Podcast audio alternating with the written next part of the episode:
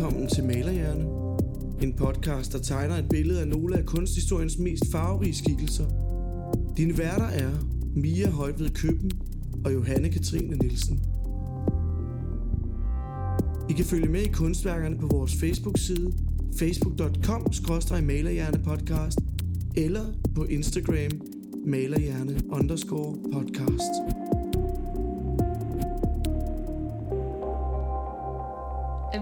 Friske? Topfriske. Det er lidt sent ja, det er det. Og koldt. og koldt. Men jeg er pakket ind i et plæt. Ja, og jeg har pakket ind i et dejligt halserklæde. Mm. Så må ikke vi kommer igennem. Jo.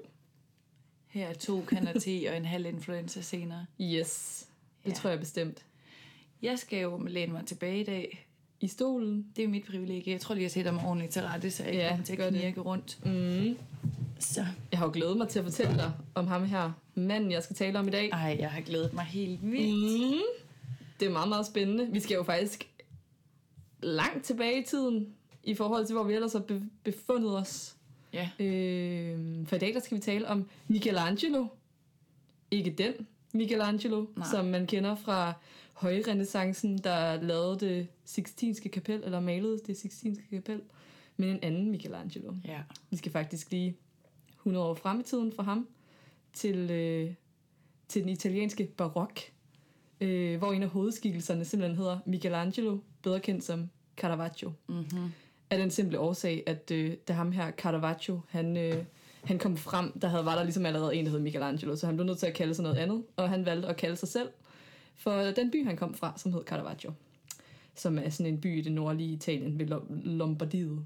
Øh, men til at starte med vil jeg lige sætte stemningen og fortælle lidt om barokken, som er navnet på en periode, der beskriver stilen omkring, øh, eller beskriver stilen, der dominerede diverse former for kunstarter i 1600-tallet cirka. Især inden for billedkunst og musik og arkitektur har man ligesom det her barok-fænomen. Øhm, og barokken er både til stede i Syd- og Nordeuropa, og slutter for alvor omkring sådan 1750. Det er lidt svært med de der perioder at sige noget specifikt om, hvornår de startede og hvornår de sluttede, men man siger sådan 1750 cirka.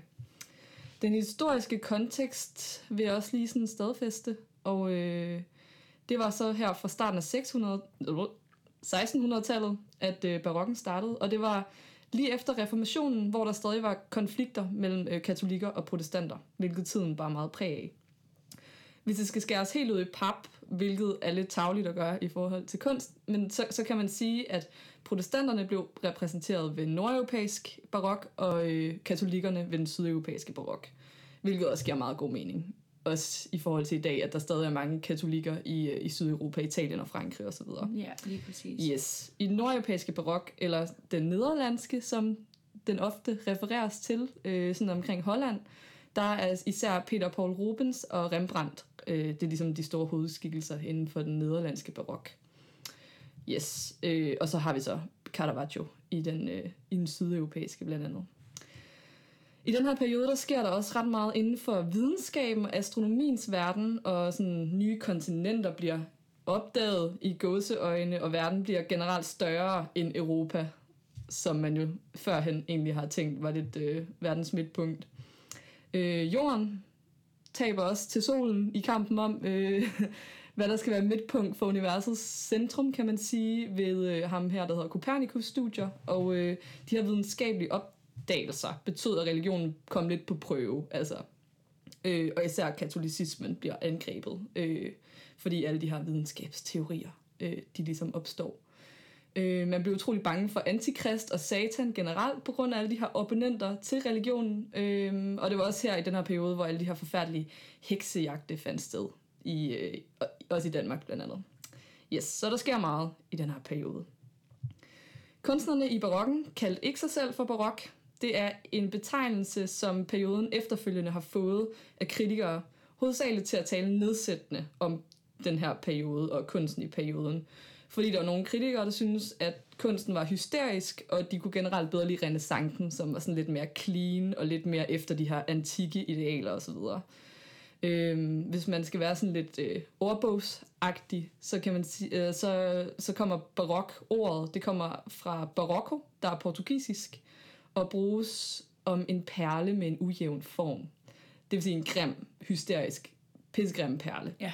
Og det er det, man egentlig har synes i eftertiden, især i Tyskland og sådan i Nordeuropa, at barokken var, den var grim og ujævn. Mm. Øhm, ja, så hvis, hvis man har sådan læst øh, noget fra 1800-tallet, hvor de mener, at noget er barokt, så er det meget negativt mm. ment. Yes. Den har så senere hen fået sin revival, kan man sige, og sådan, i dag der er det lidt mere blandet, hvad folk synes om barokken. Det var den historiske kontekst. Fedt. Tak Yes. for det. Men nu skal vi tale om dagens hovedperson, Caravaggio, som selvfølgelig var en del af den hysteriske, katolske, sydeuropæiske barok, og absolut en superstar, når man taler om barokken. Man mener også, at han var en af de første sådan, megastjerner inden for kunsten. Fedt. Yes. Michelangelo Merisi, som han hed, blev født i den lille flække Caravaggio i Norditalien i området omkring Lombardiet i 1571. Caravaggio han var født ind i en forstyrrende og voldelig tid, også som jeg sagde lidt før med, at der var en masse store konflikter mellem protestanter og katolikker. Ugen inden Caravaggio blev født, der, øh, der havde søslaget ved Lepanto også lige fundet sted, hvilket var sådan et blodigt slag mellem sydeuropæiske katolikker og en osmanisk flåde. Så der var der også lige lidt med nogle muslimer måske. Ja. Der var lidt, lidt, lidt religiøse konflikter der. Øhm, Caravaggios far, Fermo Merisi, var arkitekt for markien af Caravaggio. Øh, det er sådan en, du ved, det er sådan en adelig type. Okay. Så ja, hans far var arkitekt, og øh, ham her faren, han døde, ligesom resten af Caravaggios familie, i, af byllepest, da sønnen han var 6 år gammel. Så Puh, som, seks år, som seksårig, der blev Caravaggio altså forældreløs. Jeg ved faktisk ikke rigtig noget om moren, øhm, men ja, hun var måske død inden det, kunne man forestille sig.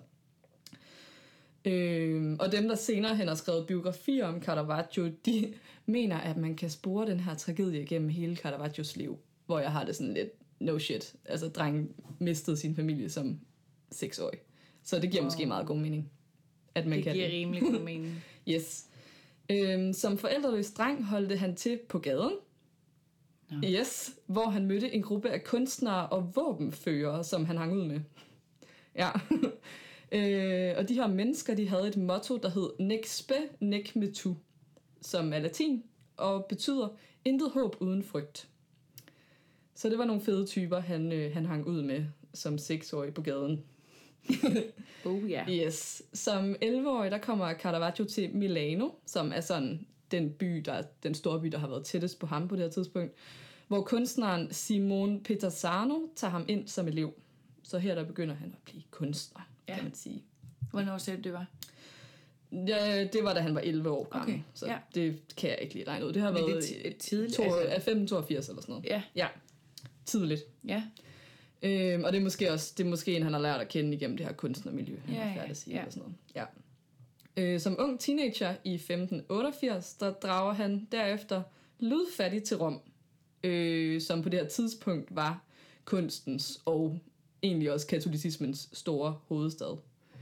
Øh, og for at kunne brødføde sig selv, begynder han i Rom at assistere andre kunstnere, øh, men fordi Caravaggio var ret ustabil, hvilket karakteriserer egentlig ret meget af hans liv, det meste af hans liv, så måtte han sådan hoppe lidt fra kunstner til kunstner. Jeg tror, han sådan ret hurtigt fik lavet noget ballade, og så måtte han tage videre for at assist- assistere en anden kunstner. Han gjorde sig upopulær. Ja, muligvis, ikke? Heldigvis var der ikke nogen anbefalinger, man skulle have med fra tidligere arbejdsgivere. Nej, nej, nej, nej. Overhovedet ikke. øhm, og desuden så var de fleste af dem, han arbejdede for, de var faktisk ikke lige så dygtige som ham selv. Altså han var faktisk okay. bedre end dem. Så måske så røg lidt af motivationen også lidt der, kunne man forestille sig. Okay. Yes. Da Caravaggio var i midten af 20'erne, omkring 1595, begynder han at sælge sine egne malerier gennem en kunsthandler. Øh, og på et tidspunkt, der øh, finder kardinal Francesco del Monte ud af, hvem Caravaggio er, og forguder hans kunst. Og der går ikke længe før ham her kardinalen, han sætter Caravaggio op med hus og pension og hele muligheden. Øh, så han fik imponeret kardinalen. Fedt. Yes. Øh, Caravaggio han var særlig kendt for at arbejde mega hurtigt. Utrolig hurtigt. Øh, faktisk så tog det ham ofte kun to uger at starte og færdiggøre et værk. What? Ja. Og det betyder også, at da han var under kardinalens indflydelse, øh, og, og, og den her støtte, han fik, der fik han produceret over 40 værker. Øh, og hans værker for den her periode inkluderer berømte malerier, som blandt andet Dreng med frugtkurv, Den unge Bacchus og Musikfesten. Og jeg har haft det rigtig sjovt at oversætte de her øh, øh, værknavne til dansk, fordi, det ved jeg ikke, The Music Party lyder bare lidt federe end Musikfesten. og sådan Boy with a Fruit Basket eller sådan noget, det lyder også lidt federe. Drengen med med frugtkål, det kan da også noget. Ja. øhm, de her værker er nogle af de tidligere bevarede værker af Caravaggio. Og øh, de her vær- i de her værker, der er der ofte afbildet en ung, afklædt, lidt choppy fyr. Gerne sådan i sådan lidt engleform eller et eller andet. Øhm, og den her dreng, som der er på de her billeder, har højst sandsynligvis været Caravaggios assistent Seco. Som nogen mener, at han havde et seksuelt forhold til. Sådan lidt... Øh, mester og lærling Ja. seksuelt forhold, Ja. som man også kender lidt fra de gamle grækere og så videre. Jo. Yes. Og for den her periode, der er der også værker, hvor den bibelske helgen Johannes Døberen er afbildet, som efter sine skulle være Caravaggios yndl- yndlingshelgen. Okay. Sådan en havde man dengang, tror jeg. en yndlingshelgen. Ja. ja. Og så har jeg skrevet, nu går det galt. Øh, I 1597, da Caravaggio er 26 år gammel, får han tildelt opgaven at dekorere Contarelli-kapellet i San Luigi de- dei Franceschi-kirken i Rom. Og øh, det er en stor vigtig opgave, der går ud på, at han skal lave tre store malerier, der skildrer scener fra evangelisten Matthæus liv. Det er jo i en katolsk tid, det her, så der er mange religiøse værker, øh, vi skal tale om. Ja. Øh, det blev til værkerne Sankt Matthæus og Englen, Sankt Matthæus kald og Sankt Matthæus martyrdom, som han blev færdig med i 1601. Og de her værker, de skabte røre, både i kirken og i samfundet, fordi Caravaggio havde valgt, at helgene, at helgen ikke skulle skildre som et ikon, som man tidligere havde gjort, men i en langt mere sådan realistisk udgave. Øhm, og det gjorde han blandt andet ved hjælp af en maleteknik, som man i høj grad forbinder med Caravaggio, og som man siger, han opfandt på en eller anden måde. Og det er en teknik, der i dag kaldes for chiaroscuro på engelsk, eller clair obscur på fransk. Ah, Øh, clair obscur er nok den, man sådan kender bedst. Eller den, man, det, det er det, man mest kalder den, tror Ja. jeg. Øh, og teknikken går ud på, at maleriet egentlig er meget mørkt i sig selv. Caravaggio han brugte altid sort baggrund, og var generelt meget glad for mørke farver. Men menneskerne i de her værker, de bliver oplyst af et meget, meget skarpt lys. Ja. Øh, hvilket er ret tydeligt, og man kan sådan tit se deres muskulatur og sådan noget på grund af lyset. men han har nemlig nogle ret sindssyge sådan lyskontraster. Ja. ja. Det, det er virkelig, altså, Det er vildt kontrast er virkelig øh, Ja. hovedordet, eller hvad man siger, inden for det her. I hørte det fra mig. Øhm, og det er så også en teknik, der senere hen har inspireret ret mange kunstnere, og øh, blandt andet dem, der blev kaldt for Caravagisterne. Okay, er der men simpelthen simpelthen- en gruppe af mennesker, der, øh, der tilhørte den her form for, for malerkunst, kan man Det sige. er vildt nok. Ja. Men jeg har nemlig tit tænkt på det her, hvad Søren, eller sådan, det må da have et navn, eller sådan det her, Ja. fordi det er jo noget, der bliver brugt vildt meget. Mm. Ligesom om, der står en projektor og sådan lyser ind på det her, så der er sådan det der helt særlige lys på de mennesker, der optræder, for eksempel. Præcis. Ja. Og jeg tror faktisk også, nu kan jeg ikke lige sådan name droppe noget, men jeg mener også, det er blevet brugt ret meget i film. Altså Ja. sådan, det er virkelig noget, det er et, et begreb, man stadig bruger, Okay, øh, som han muligvis har opfundet. helt man siger. sikkert. Yes. Faktisk, uh, anyways, yes, tilbage. Så, øh, så siges det, at det første maleri, som hed Sankt Matthæus og Englen, vagte så meget angst hos folk, at han måtte lave det om. Okay. Jeg ved ikke helt hvorfor. Øh, men jeg tror også, det havde noget at gøre med, at de her helgene lige pludselig blev skildret som mennesker på en eller anden måde. De var sådan lidt mere tilgængelige, ja. kan Ja. jeg forestille mig. I don't know. Ja, Jo, så har der været en anden grænse, altså dengang, Fuldstændig. end der er i Ja. Ja. præcis. Men altså, hvis man kigger på Caravaggios værker, det kommer jeg også lige lidt nærmere ind på, så er det også bare nogle super øh, morbide værker, mange af dem, og de er meget sådan kraftfulde og næsten voldelige, og det kunne jeg godt forestille mig har været sådan meget, meget farligt dengang, Ja. og især i en kirke, ikke? Helt sikkert. det Øh, tror og jeg, folk har været super religiøse, så ja, og det var Caravaggio også selv ja. Efter sine, så Okay. sådan, ja, han, han, han lavede det med respekt. Det var ikke for at forarve helt Nej, vildt. okay. Øh, yes. Caravaggio begyndte at blive rimelig anerkendt efter den her op, opgave inde i den her kirke, øh, og det gav ham blod på tanden i forhold til den her idé med at skildre religiøse motiver på sin egne, egen, egen, egne sådan dyster måde. Dystert, tror jeg virkelig godt, man kan kalde det. Øh, faktisk så brugte han også folk fra gaden som modeller, øh, hvilket var ret specielt på det her tidspunkt. Så det er altså prostituerede og tigger og tyve, der har poseret som hellige folk i hans malerier. Okay. Ja, og det er måske også en af grundene til, at folk har været meget forarvet. Øh, fordi det er jo virkelig sådan to modpoler, ikke? Ja. At vi har en, sådan en religiøs helgen, og så har vi en prostitueret, der skulle forestille at være en af de her helgener. Ja, det, lyder nærmest sådan helt blasfemisk. ja. Men det er jo dem, han har, han har hængt ud med. Ja. I tiden efter Contarelli-kapellet, som var der, det han dekorerede, havde han, en masse, havde han også masser af arbejde, hvor han producerede flere af sine store værker, blandt andet Jomfruens Død, som er et maleri, som der forestiller Jomfru Maria, der ligger død med sådan opsvulmet med mave, og så er der en masse grædende mennesker omkring hende og så Ja. videre. Ja. Yes, men øh, præcis ligesom i dag, er det jo altid lidt mere spændende med mennesker, der rydder sig ud i alt muligt ballade. Og sådan var det også med Caravaggio. Ikke nok med, at der var lidt forskellige holdninger til, hvorvidt hans kunst var forstyrrende, var der også samme holdning til Caravaggio som person. Han var voldelig, han havde store humørsvingninger, gamblede meget og elskede at drikke sig rigtig, rigtig fuld. Han lyder som en farlig Yes. cocktail. Han var også kendt for altid at gå i sort og for at gå rundt med et svær. Indtil det med sværet, synes jeg, jeg kender typen. Yes, men han gik rundt med et svær, selvom reglerne krævede, at man havde tilladelse til det, hvilket han ikke havde. Så det, det er jo ligesom våbenloven i dag. Du kan ikke bare gå rundt Ja. med et gevær. Nej. Men altså, han gik rundt med et svær. Typen. I 1603 var han kort tid i fængsel, fordi han åbenbart havde overfaldet en anden kunstner. Og øh, i løbet af årene sådan derfra, der blev det kun værre. Og hvad kender du til motiverne? Er det jalousi, eller er det bare temperament? Og... Temperament, Ja. tror jeg, hovedsageligt. Ja. Øh, det er i hvert fald det, man sådan føler, Ja. når man læser om ham. Ja. Ja. At han har bare haft det vildeste temperament. Ja, okay. Øh, og været pisselig glad Ja, i virkeligheden. Han har været sådan en ægte anarkist. ja. Ja. Der er en historie fra et, er sådan et italiensk osteria, hvor at øh, Caravaggio han havde bestilt artiskokker, som man jo spiser i Italien. Mm. Og da tjeneren kom med artiskokkerne og fortalte, at nogle af artiskokkerne var der ligesom smør på, og nogle af dem var der olie på, der øh, ville Caravaggio gerne vide, hvordan man kunne kende forskel på, hvad for nogle der var olie og hvad for nogle der var smør på. Så øh, det spurgte han selvfølgelig om, og så sagde tjeneren til ham, at du skal bare dufte til dem, og så finder du ud af det.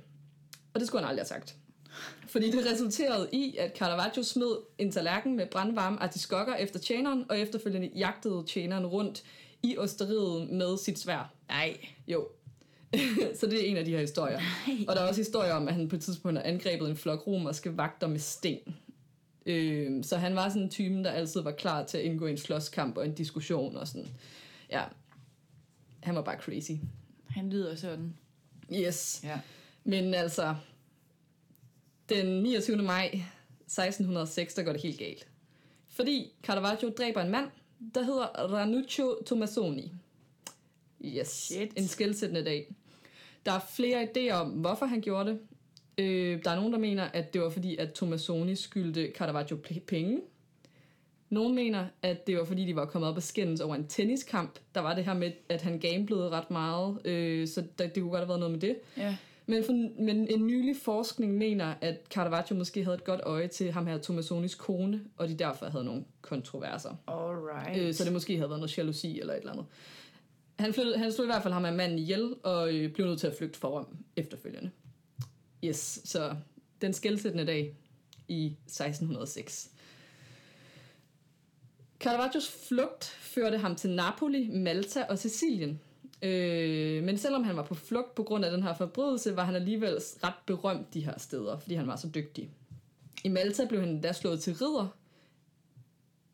Dog blev den her orden senere taget fra ham, da de egentlig fandt ud af, hvad det var, han havde gjort i Nå, Rom. okay. Altså han havde slået ham her ihjel. Han blev ikke slået til ridder efter mordet. Eller sådan, mens de vidste, at han havde... øh, Nej, Nej. ikke umiddelbart. Han fik taget den der orden fra ja. sig igen, da de fandt ud af det. Ja. Øh, det var faktisk i Malta, han lavede det eneste værk, han nogensinde har signeret. Han har kun signeret et værk. Nå. Og det er det, der hedder Johannes Døberens halshugning. yes, øhm, som er et værk, han lavede til katedralen i Valletta, som er, øh, hvad hedder det, Maltas hovedstad. Og hvis man kigger tæt på værket, det, det er sådan et værk, der forestiller Johannes Døberen, der ligger sådan nede på gulvet og får skåret halsen over. Øh, og ned, af, øh, ned fra halsen, der ligger der sådan noget blod, der siver ud. Og nedenunder, hvis man zoomer helt lidt på billedet, så kan man se, at i rødt, nærmest i blod, der står der Michelangelo nedenunder blodet. Nå. Ja. Øh, sådan lidt morbid, men også, jeg synes også, det er ret sejt på en eller anden Det er da mega sejt. Den eneste signatur, han nogensinde har lavet. Tror du, der er noget symbolisk i, det ligger nede i blodet? Det er der helt sikkert. Ja. Men også, øh, det er skrevet nærmest i sådan nogle blokbogstaver, sådan nogle store, okay. fede blokbogstaver. Ja, det er ret sejt. Ej, hvor cool. Men øh, selvom at Caravaggio var kommet til Malta, betød det altså ikke, at han bare stoppede med at være en voldelig fyr.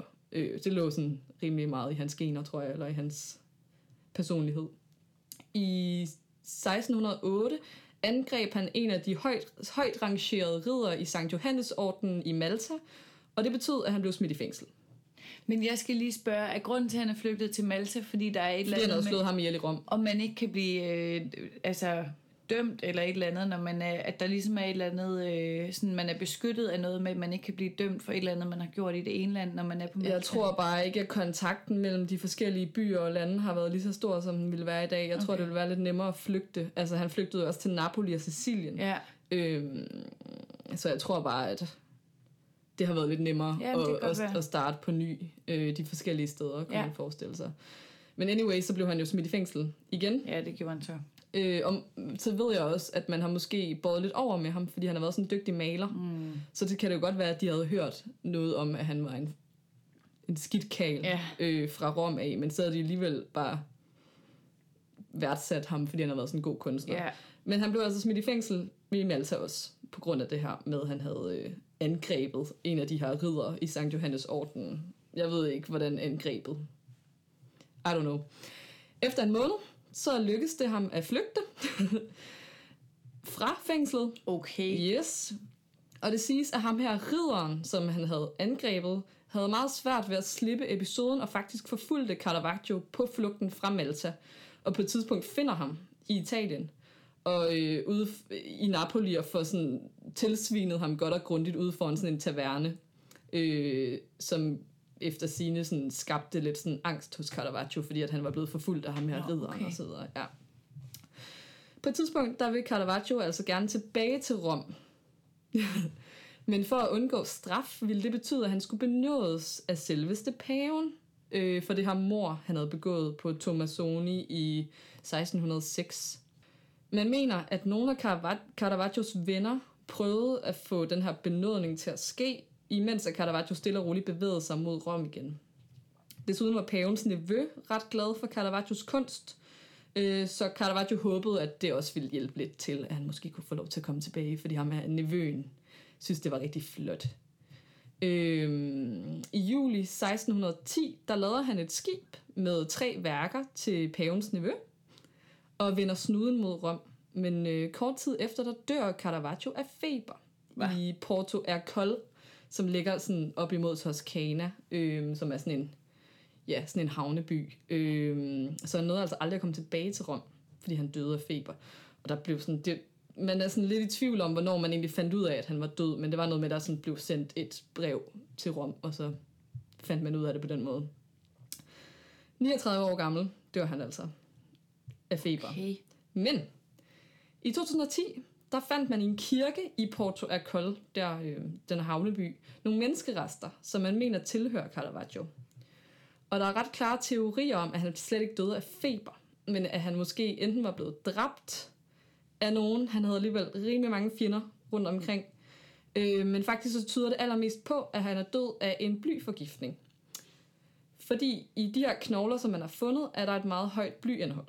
Øh, muligvis fordi der var meget bly i malingen, man brugte den her gang. Så teorien er meget muligt. Man mistænker egentlig også, at blyforgiftning har været grunden til, at Van Gogh og Goya også er døde, fordi at det bare har været super giftigt. Ja, Og øh, man siger også, at blyforgiftning, det faktisk også godt kan være øh, årsagen til, at han har været meget voldelig, fordi det kan godt skabe sådan meget voldelig, øh, eller det har sådan meget øh, voldelig virkning og have meget, øh, whatever. Det kan godt påvirke ens personlighed, Ja, hvis ja, man har meget bly i kroppen. Hvis man er i de der dampe, så kan det da sikkert godt påvirke en, så man er sådan... Yes, præcis. Så øh, ja, man har simpelthen øh, mulig... Okay. Jeg tror, at man siger, at der er sådan 85% chance for, at det er Caravaggios knogler, man har fundet i den her by.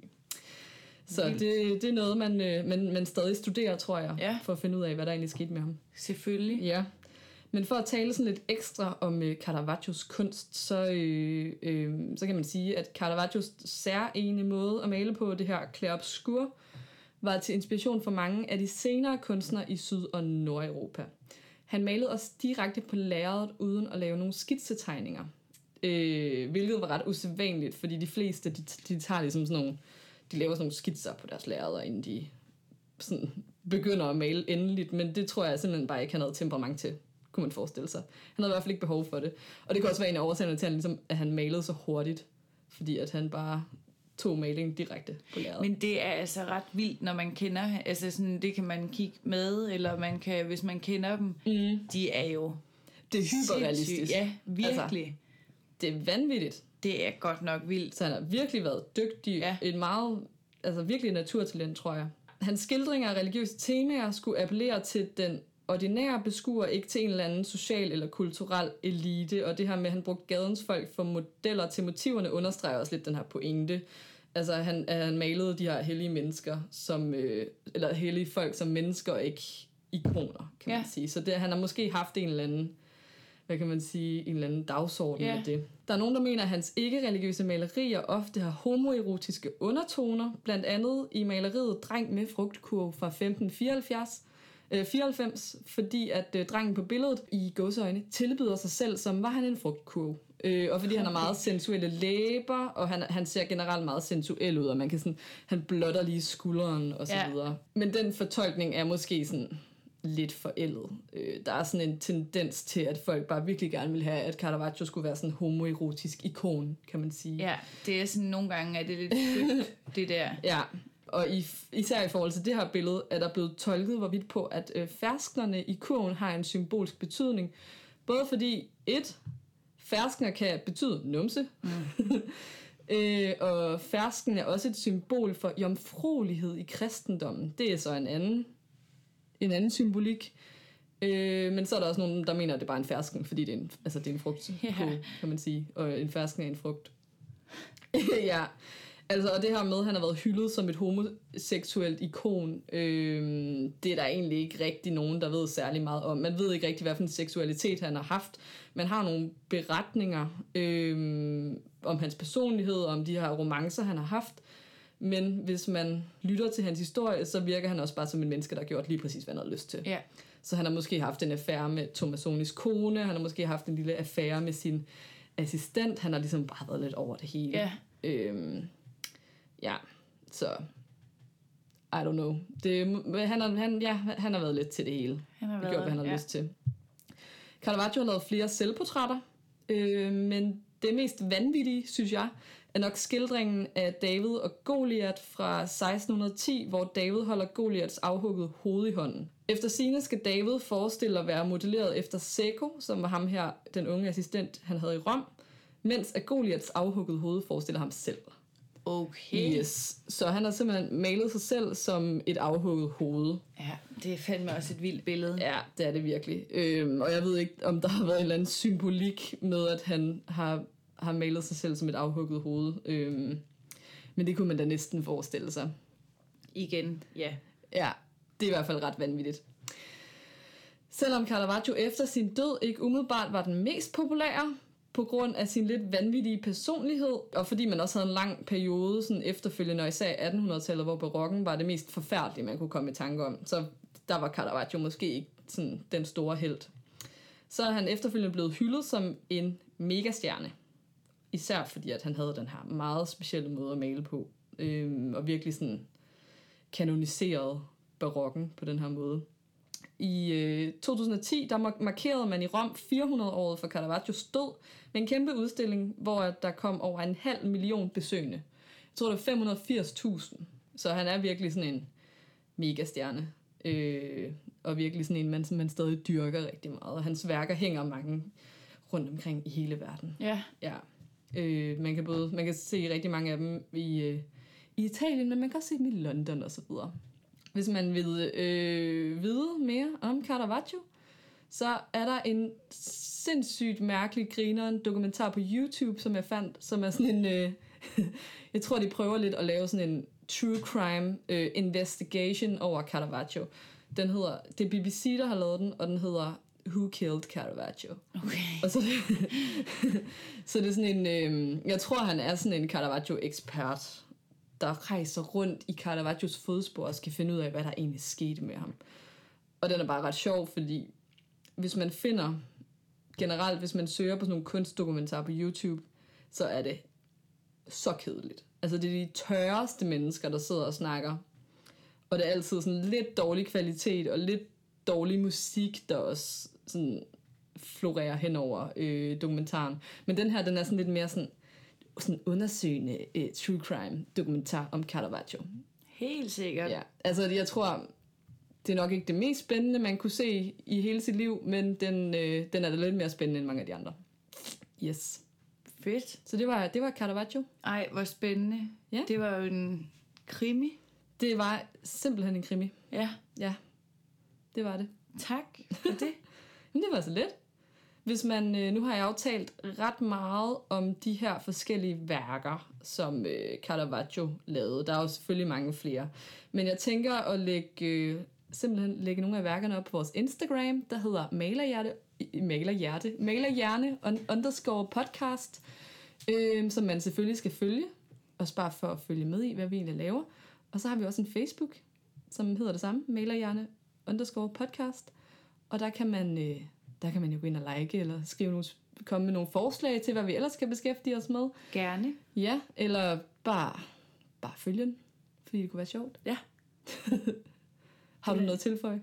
Overhovedet ikke. Nej, Det gjorde du bare til UG. det var bare fedt. nu skal vi have noget mere te. Ja. Ja, Og god bedring derude. ja, satan.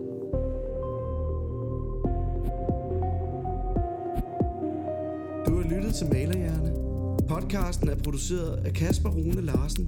Speak af Jesper Ole Fejt Andersen. Og musik af Mike Sheridan. Dine værter var Mia Højt ved Køben og Johanne Katrine Nielsen. Vi lyttes ved.